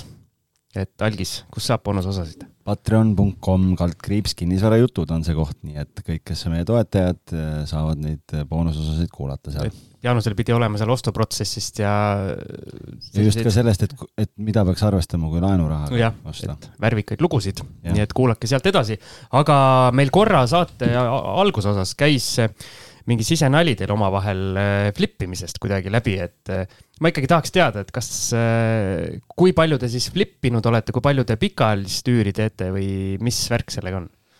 no selles mõttes mina alustasin selle flip imisega, see tundus, et niisugune tohutu raha käib ja edasi-tagasi, aga mingi hetk ma sain aru, et see on selline pidev orav rattas jooksmine tegelikult, et sa pead kogu aeg uusi objekte otsima, sa pead pidevalt äh, noh niisugune täiskohaga töö. täiskohaga töö, jooksed mööda neid ehituspoode, need ehituspoe tädid on juba sulle nii tuttavad, et isegi ühe korra tulid lennujaamas mulle vastu ja ma ütlesin tere, sest noh, ma, ma teadsin, et ma tean neid kuskile pärast, mõtlesin, ah, kurat, see on sealt ehituspoest.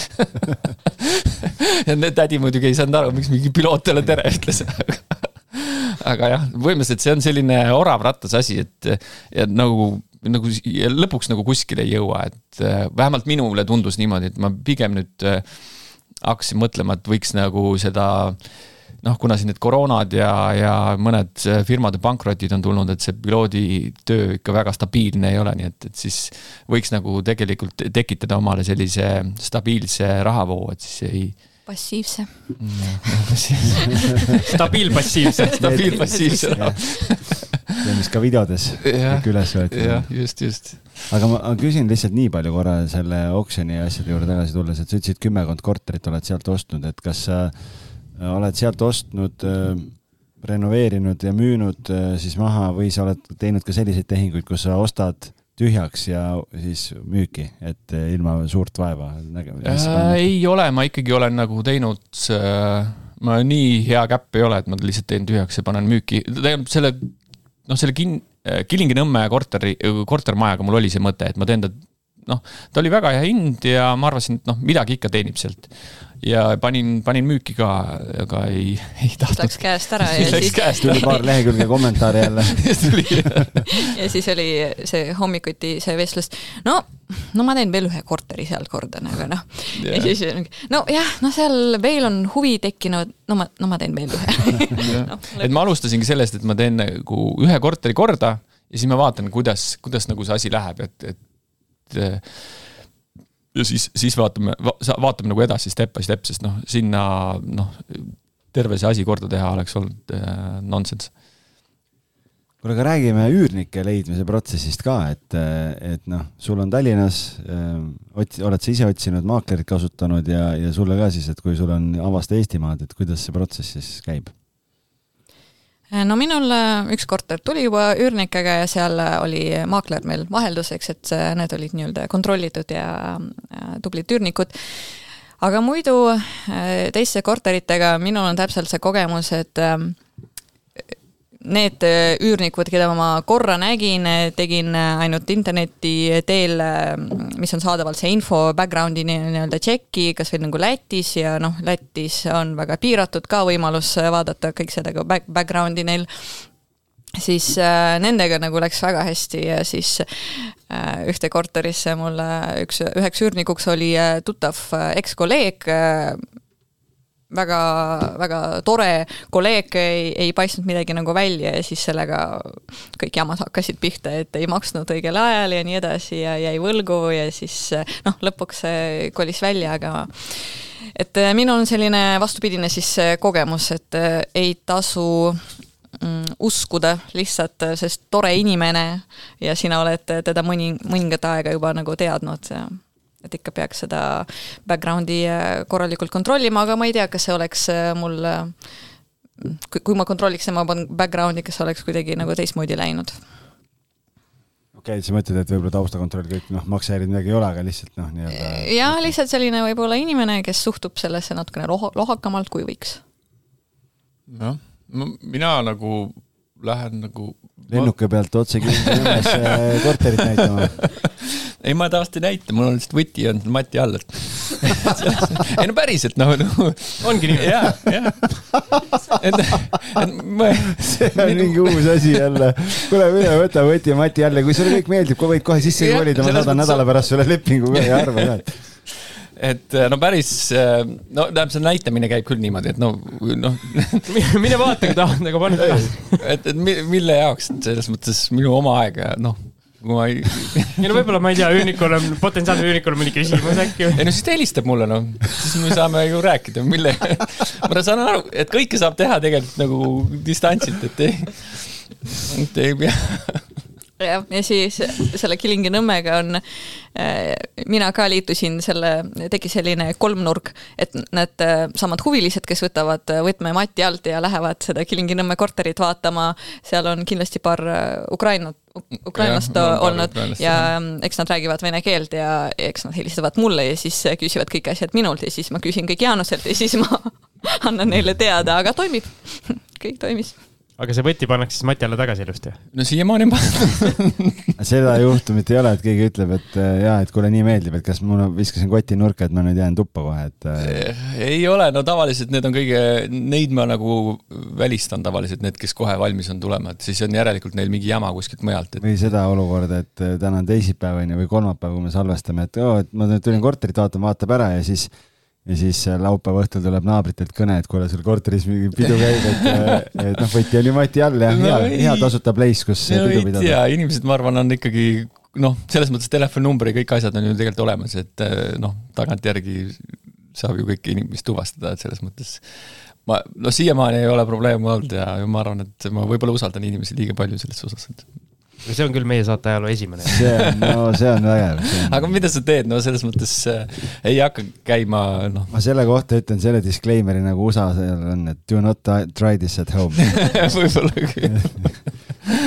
jah, jah, aga, aga üldiselt jah, ma ei soovitaks või no ma ütleme, ma võtan äh,, panen nagu hinna umbes nii, et ma saan ise valida nii-öelda korteri üürniku, ehk siis, et mul on vähemalt nagu neli-viis äh, viis kandidaati, et siis, äh, siis ma saan, noh, siis ma nende seast valin, et ma, ma nagu, ma ei lähe seda nagu seda piiki sealt äh, võtma, muidugi Kilingi-Nõmmel on natukene teine teema, et seal, seal nii palju neid soovijaid nüüd ei ole. ma just tahtsin öelda, et kui sul on neli-viis tükki korraga seal, siis ütled, et võtke pikkuse järjekorda ja korda mööda ära või? aga, aga vahepeal jälle, see on nagu hooti, et siis jälle küsitakse jälle ja siis, siis, siis on jälle nagu noh, eks see jutt ka levib seal, nii et selles mõttes. nii et sa oled nii-öelda Kilingi-Nõmmes, sa oled äh, selline nii-öelda kinnisvaramogul, et. Äh, tundub vist küll, jah. kui kellelgi on vaja üürikorterit, siis tullakse sinu juttu. müts peas niimoodi, tullakse sinu juttu. mis kinnisvara, kinnisvara kahekümne neljal oli see, kohalik tegija? kohalik tegija, võib-olla küll jah, võib-olla küll jah, sest no tegelikult ma olen kuulnud jah, et mingid jutud käivad minust seal, et mingisugune hull tuli sinna ja hakkas midagi renoveerima, sest noh, et no tegelikult seal väga ei tehta midagi. seal väga ei tehta midagi jah, et noh, tegelikult on väga ilus linn ja ma soovitan minna elama sinna, kolida. Sinna ja noh, väga võtke, võtke võti-mati alla. võti-mati et üürilepingu saadan hiljem järgi, et jah, aga, aga noh, tegelikult on väga, noh, mulle, ma olen seal lihtsalt, ega mul ei ole mingit sidet sellega Kilingi-Nõmmega, ma olen lihtsalt paar korda käinud seal mõnel üritusel ja mulle no tõesti meeldis see koht, aga need inimesed ise nagu ei oska seda väärtust seal võib-olla näha ja, ja, ja sel selles mõttes minu arust on, on, on, on tõesti niisugune väga, väga äge Eesti koht. no kuidas sa need üürnikud siis valid, oletame, sul on see neli-viis kandidaati, mille järgi sa selle valiku teed? no see on jälle niisugune sisetunde asi nagu, et no ma elimineerin need ära, kes kohe saavad tulla et see on selline. see on nagu ehitajatega nagu ehitajad, nendega on nagu, et selles, siis on, siis on mingi jama nagu või no vähemalt sa uurid või midagi, mida iganes. siis, siis ma no vaatan, et kes, kes nagu liiga palju ka räägib no need, need on ka natukene kahtlased, et. nagu algis? ei ma ei tea, ma pole teda temaga sel teemal rääkinud. aga noh, et kes nagu ilmsesti üritavad ennast müüa, et siis, siis on, tundub ka, et nagu midagi on kahtlast. ja. ja loterii allekiri. jah, ma nagu öeldakse, et nagu see on sihuke sisetunde küsimus tegelikult, et sa tunned selle inimese ära, et kas ta aga on. kui sa seda inimest ei näe, ta võtab sul selle võtme mati alt, äh, mismoodi sul see sisetunne no selles tekib? mõttes ma räägin temaga telefoni teel, tõenäoliselt uurin tema tausta natukene, kui ma leian midagi, siis ma räägin midagi, et ega seal noh, paljudel tegelikult ei ole need taustad väga puhtad ka, nii et ma ei, ei saa öelda, et ma nüüd kõik äh, täitsa nagu puhtalt, puhtalt lehelt võtan, et äh, aga noh, inimesed siiamaani on noh, on olnud probleeme, aga siiamaani keegi võlgu pole jäänud, et, et selles mõttes mul oli üks korter pikalt, ma rentisin äh, Kohilas, siis seal oli üks üürnik ka, kellel olid üsna suured maksevõlad, aga rääkisime omavahel läbi ja, ja sai, saime hakkama, nii et mis on veel selline asula, mida sa Eestis äh, nii-öelda puudutanud oma, oma kuldsete kätega ei ole, aga kuhu sa kindlasti tahaksid jõuda? ma, kunagi mul oli mingisugune mõte, et või noh, mingisugune tohutu ambitsioon, et kõik Eesti, mis need puust linnad on, vot mingi laul oli, äh, mis, mis bänd see oli, äh, mingi, igatahes jah, et mingid puust linnad, et, et seal võiks mingi korter olla, aga aga nüüd ma olen vaadanud, äh, natukene sügeles Viljandi, aga, ja Viljandis mul on tegelikult üks korter olnud ka, aga miskipärast on seal tohutult üürikuulutusi. et ma ei tea, mis selle fenomen nagu on praegu, et kas siin kõik ta on sinna mingid investeerinud või mingi, mingi teema on seal sellega, et et väga, väga palju üürikuulutusi, siis ma mõtlesin, et ma päris vist ei ei lähe konkureerima? ei lähe praegu konkureerima, et kui seal juba noh, ta ei ole nagu nii suur linn, et siis mingi jama seal on igatahes et ma ei, praegu ei torgi seda. ja Marina jääb oma siia Kristiine kanti, jah? Eks ma olen äh, vaadanud ka äh, väikseid linnu äh, siin vahepeal, siis ma mõtlesin, okei okay,, et äkki ma tõstan oma seda riskitaluvuse natukenegi. Et lähen Kristiinest eemale, aga olen vaadanud, ei ole midagi leidnud, aga ma olen nii-öelda mm, lahtiste silmadega, olen praegu natukene vaatan ringi. et eks praegu midagi ei ole tulnud lihtsalt ette, aga ma ei välista, et päris äh, noh, Jaanuse tasemele ma kunagi ei jõua, ma arvan, enamik inimesi kunagi ei jõua sinna. mis, mis mõttes nagu tegelikult? riskitaluvuseni. riskitaluvus. mega usaldus ka. mega usaldus, riskitaluvus ja see. minu meelest on see lihtne, paned lihtsalt võtme mati alla ja toimetad sina õppisid seda jah?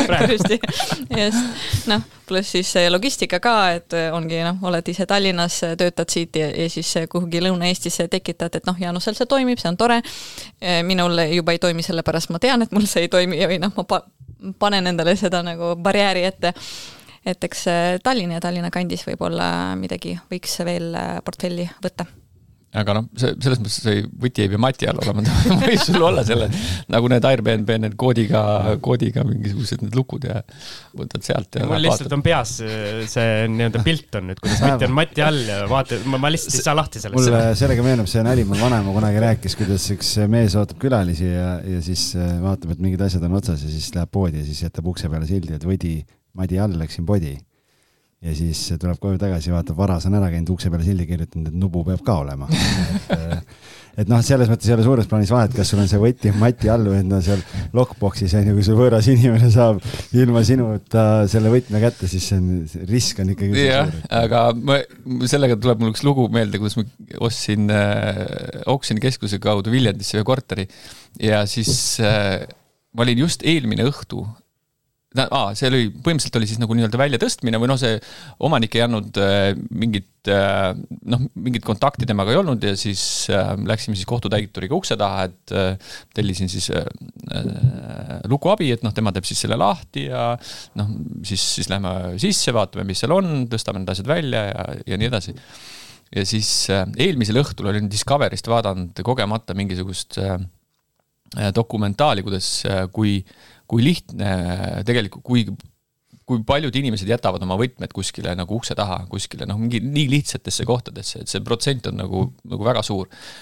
ja siis äh, mõtlesin, jaa, täitsa ikka inimesed on nagu noh, natukene siuksed imelikud ja ja siis, siis läksime seda sinna siis korteri, korteri juurde on ju, uks oli lukus äh, oli ka matt ukse ees, seda me ei puudutanud tellisime ukse, ukse, luku abi, luku abi tuli siis, puuris kõik need asjad lahti, läksime sisse. no vaatasime, noh, midagi väärtuslikku ei olnud, viskasime kõik minema, päev otsa tegime, pesime seal ja puhastasime selle ära. ja siis noh, kohtutäitur läks ära, kõik asjad, särgid, värgid ja siis enne õhtut hakkame ära tulema, siis mõtlen, et noh, et tõmbaks veel sealt nagu ukse eest ka midagi ära. võtan mati ülesse, võti on mati all sa õpid parimatelt, ma saan aru. just, just, just nagu eelmine õhtu vaatad, nagu ei tule selle peale, et aga noh, kuidas sa tuled selle peale, et see eelmine omanik, kes on võlgu jäänud ja kõigile paneb võti, jätab sulle veel nagu mati alla nagu, et jah, vot selles. inimesed on imelikud, nagu inimesed on imelikud aga mis on teie kaugem eesmärk investeerimisel, olete kuidagi seda kaardistanud enda jaoks? No ma arvan, meie mõlema jaoks on see nii-öelda finantsvabadus, mis iganes see tähendab, kelle jaoks noh, ma arvan minu jaoks, et kuigi ma praegu olen palgatööline ja naudin oma tööd või tähendab, ma plaanin seda nautida siis, kui ma lapsehoolduspuhkuselt tagasi tulen, siis äh, ikka, et oleks see vabadus üks päev loobuda palgatööst, kui on soovi. et siis äh, sinna on see teekond mul on praegu see nii-öelda äh, masendusperiood.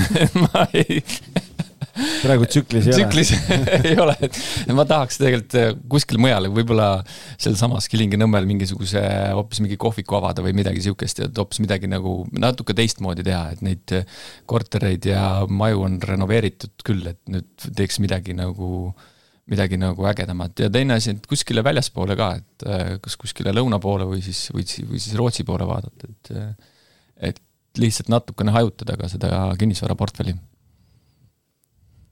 Algi, see super äh, hüper viimased lõpuküsimused tulevad, mis tal peaks peas olema? no esimene küsimus, siin neid õppetunde on muidugi jagunud, aga et kas on mingid õppetunnid, mida te tahaksite meie kuulajatega jagada? Mida te sellel teekonnal olete õppinud või kogenud? on nagu iga, iga see objekt on paras õppetund, et aga ma arvan, et ei tohiks lasta nagu noh, ennast äh, kuidagi hirmutada nendest äh, teiste juttudest või, või noh, ütleme, minul oli ka nagu põhimõtteliselt, kui ma seal kinnisvarakoolitusel olin rohkem kui jah, kümme aastat tagasi, siis juba teisel, teisel päeval ma sain oma isa käest kõne, et kuule, et äh, mis asja sa hakkad nüüd kinnisvara, mingi kinnisvara asjadega tegelema, et no midagi sihukest, et ta oli kuskilt nagu sugulastest juba kuulda saanud. et ehk siis tegelikult meil on väga palju selliseid äh, hirme ja, ja, ja, ja, ja kõike sihukeseid mustreid, mis meid tegelikult hirmutavad, et, äh, et ma, mina nagu soovitaksin küll kõigil paar korterit või, või noh, mingit kinnisvara kindlasti omada, et lihtsalt ja just oma sõp-, miks ma üldse siia saatesse tulin, et võib-olla pärast oma sõpradele äh, seda saadet soovitada, et nad kahekümne aasta pärast, siis kui me kõik nagu pensionile läheme, et siis me saaksime koos kuskil äh, palmi all suvitada ja ei peaks sellest äh, riigi pensionist sõltuma, et ma arvan, et äh, täna kodulaenuga osta mingisugune korter, see välja üürida või, või teise, või teine kodulaen saada, et see, see ei ole üldse nagu probleem, et soovitaksin nagu kõigil, kõigil kohe alustada sellega. et mina alustasin noh, nagu ikka liiga hilja, aga, aga tänaseks olen siin, jah noh jah, ega mina ka ei ole originaalne selles, et oleks pidanud seda tegema eile, ammu. aga võib-olla ma lisaks sellele, mis Jaanus rääkis, et noh, Jaanus on sellist ilma piiranguteta mees, ütleme selles kinnisvara osas. Äh, ja siis äh, mina ütleks, et äh, kui sa kuuled sellist saadet ja sellist näiteks inspireerivat inimest või meest, kes kõigega suudab hakkama saada, teeb remonti, tõstab üürnikuid välja ja tundub kõik nii lihtne ja tore. ja sõidab veel vabal ajal lennukiga või õigemini mitte vabal ajal. tööajal. tööajal. minu viga. jah, et see võib tunduda nagu kõik nii lihtne ja kerge ja hakkad ise tegema ja siis no nagu mina näiteks selle remondiga, siis sa saad aru, et äh, asi võib-olla ei ole sinu jaoks, et siis ma soovitaks kõikidele leida seda mugavat teekonda endale, et ei pea äh, nagu just kõik kinnisvarainvestoriteks saada ja kõik flip imisega tegeleda lihtsalt sellepärast, et see on äge ja kõik nüüd, äh, see on, ma ei tea, trendikas või oli trendikas. et võib-olla lihtsalt tunnetada ja siis, kui sa öösiti hästi magad, see tähendab, on see õige teekond sinu jaoks jah, et äh, võib-olla alustada sellest, kaardistada ära oma isiksusomadused võib-olla ja siis vaadata selle järgi, millist, millist kinnisvara sa soovid. Äh, ja kas üldse. ja kas noh, jah. just. kuule, aga siin juba vastati see teine, teine küsimus ka ära, mis meil tavaliselt on, et, et mida nad soovitaks neile, kes tahavad kinnisvarasse investeerima hakata, et, et kaks kärbest ühe hoobiga.